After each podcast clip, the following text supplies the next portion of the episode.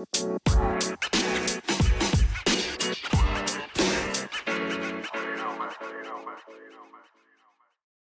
hey, super tof dat je luistert naar een nieuwe aflevering van de Positief met Pubers podcast.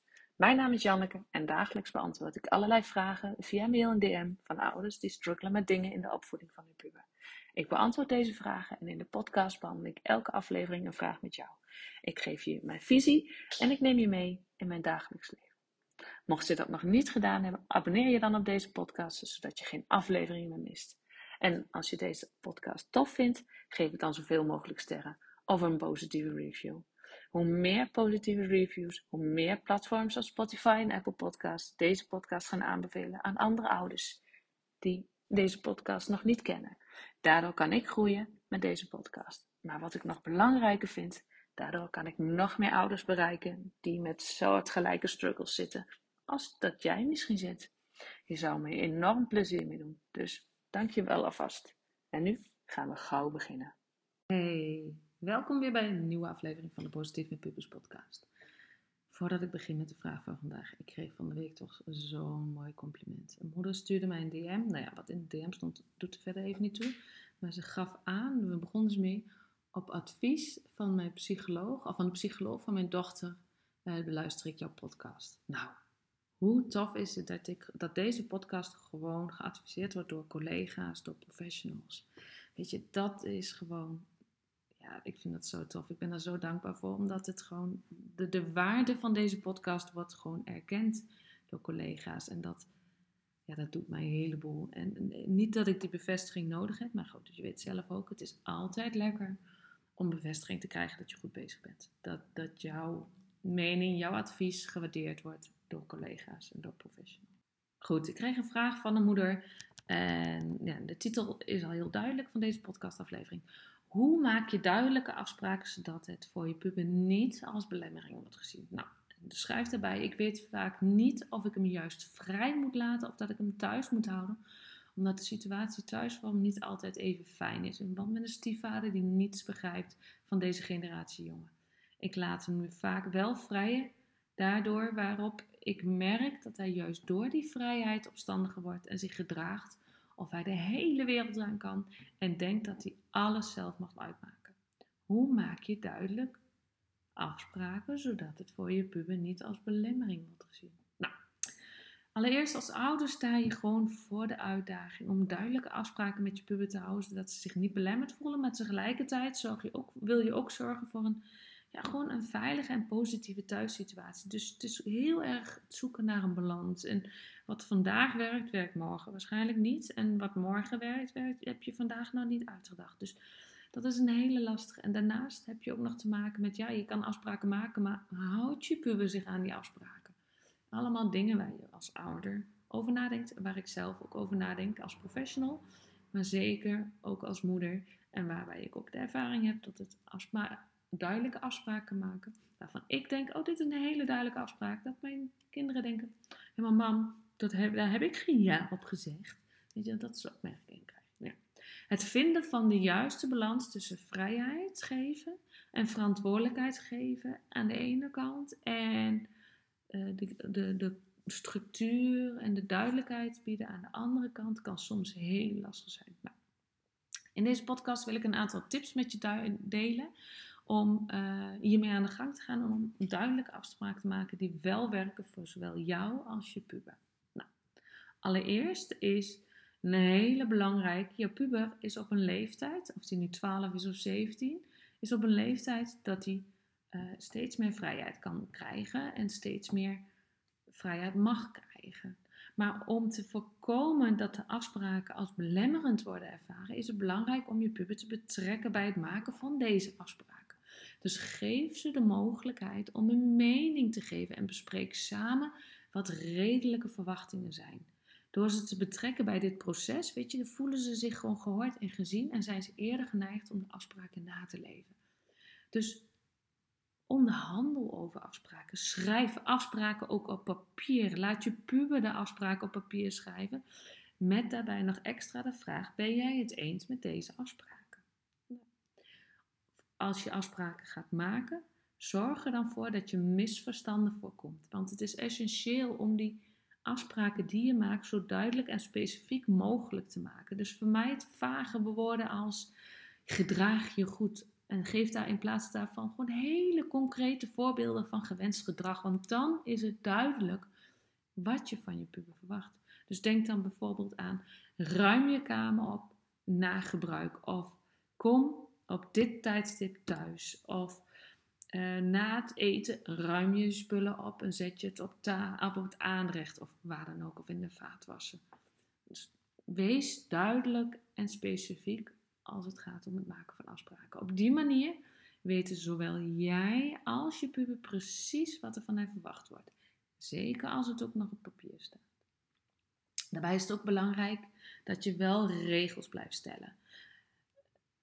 Dat is belangrijk, maar het is ook zeker belangrijk om rekening te houden met de situatie thuis. Weet je, als je een thuissituatie hebt die niet altijd als fijn wordt ervaren vanwege, nou in dit voorbeeld een stiefvader die weinig begrip heeft voor jouw zoon of jouw dochter, ehm, dan is het belangrijk om hierover te praten. Dus overweeg daarin, en dat, heb ik vaker benoemd, uh, overweeg voor jou daarin wat acceptabel gedrag is en wat niet. En maak dat ook bespreekbaar. En probeer samen met je puber tot afspraken te komen die voor beide redelijk zijn.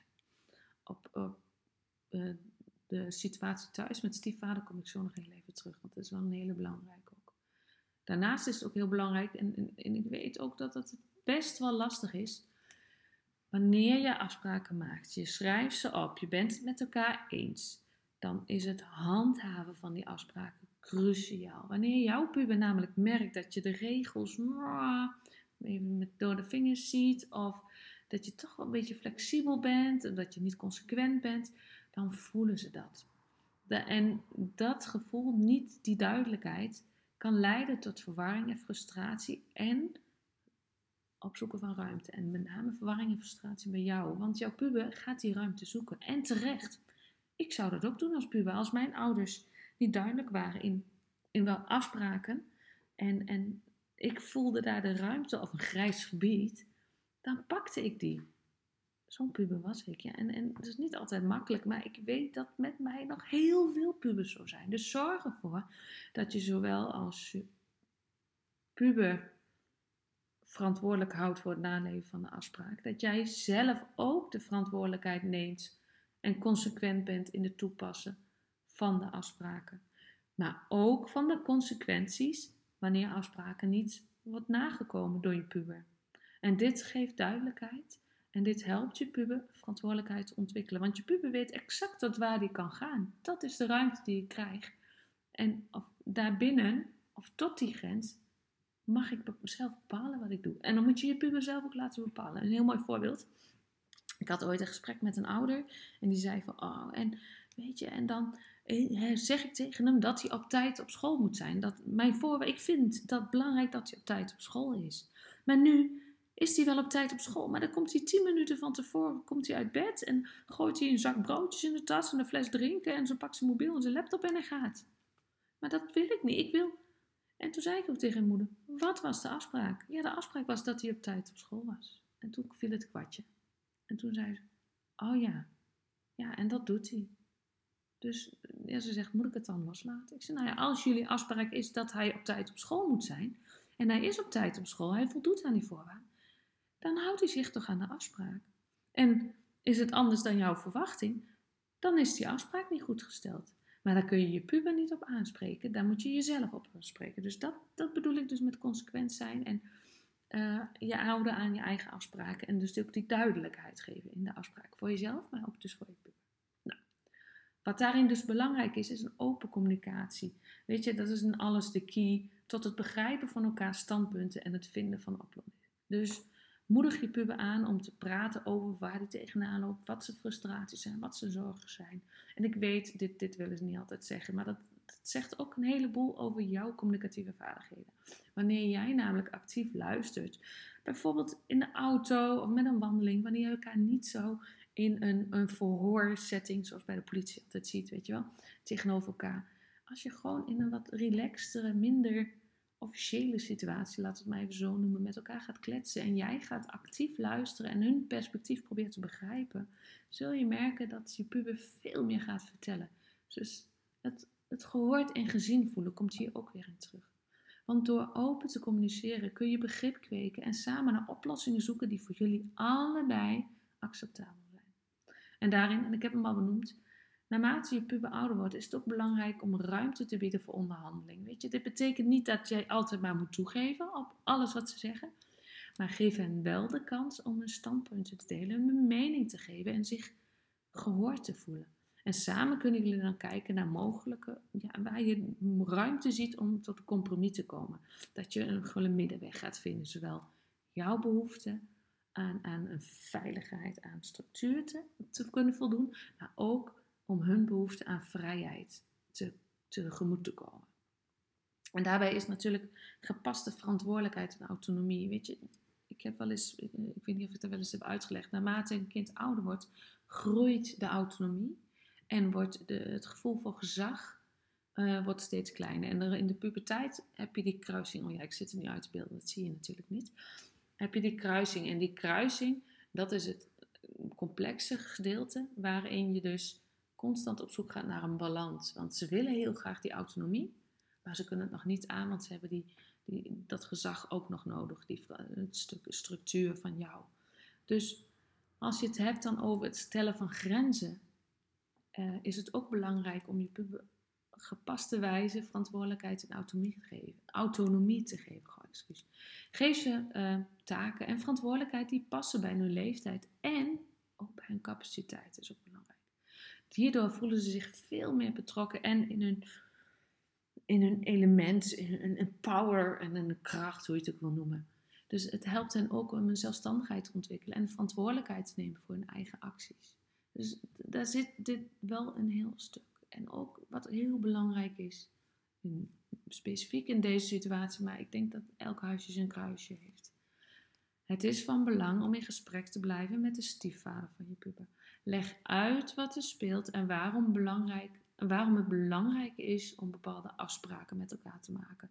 En waarom die afspraken ook belangrijk zijn voor jullie. Probeer bepaalde vorm van begrip te kweken voor elkaar standpunten en zoek samen naar een manier om een positievere omgeving te creëren waarin je puber zich wel begrepen voelt en fijn voelt. En juist door die communicatie open te houden en samen te gaan werken, kun je heel veel conflicten verminderen en de thuissituatie verbeteren. Weet je, je hoeft niet van uh, nou, jouw vriend, jouw man of de stiefvader van je puber te verwachten dat hij zich ineens gaat bemoeien met de opvoeding en uh, die regels gaat stellen. Maar je kunt wel met z'n drieën afspreken, oké, maar wat gaat de rol van de stiefvader zijn? Accepteer je dat, je, dat stiefvader ook die structuur biedt en ook grenzen stelt? En natuurlijk, ik denk dat hij sowieso grenzen moet stellen, maar de mate waarin daar kun je afspraken over maken. En ook daarin kun je je puber meenemen. Ook weer afhankelijk van de leeftijd en hoe, in mate hoe ver. Maar ik denk wel dat zeker dat je je puber daarmee eh, mee kan nemen.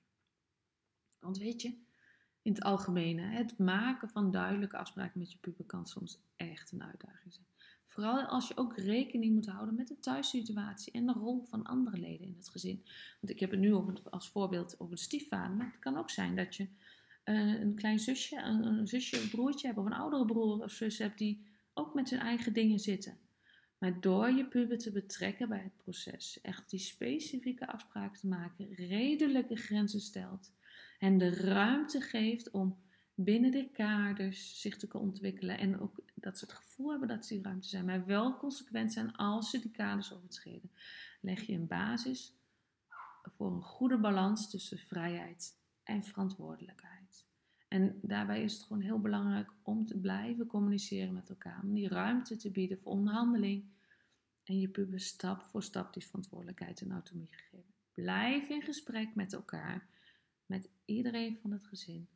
Want met geduld en begrip kun je veel beter werken met elkaar. Kun je veel beter samenwerken naar een, een, een fijnere situatie, een leefbaardere situatie voor ieder lid van het gezin.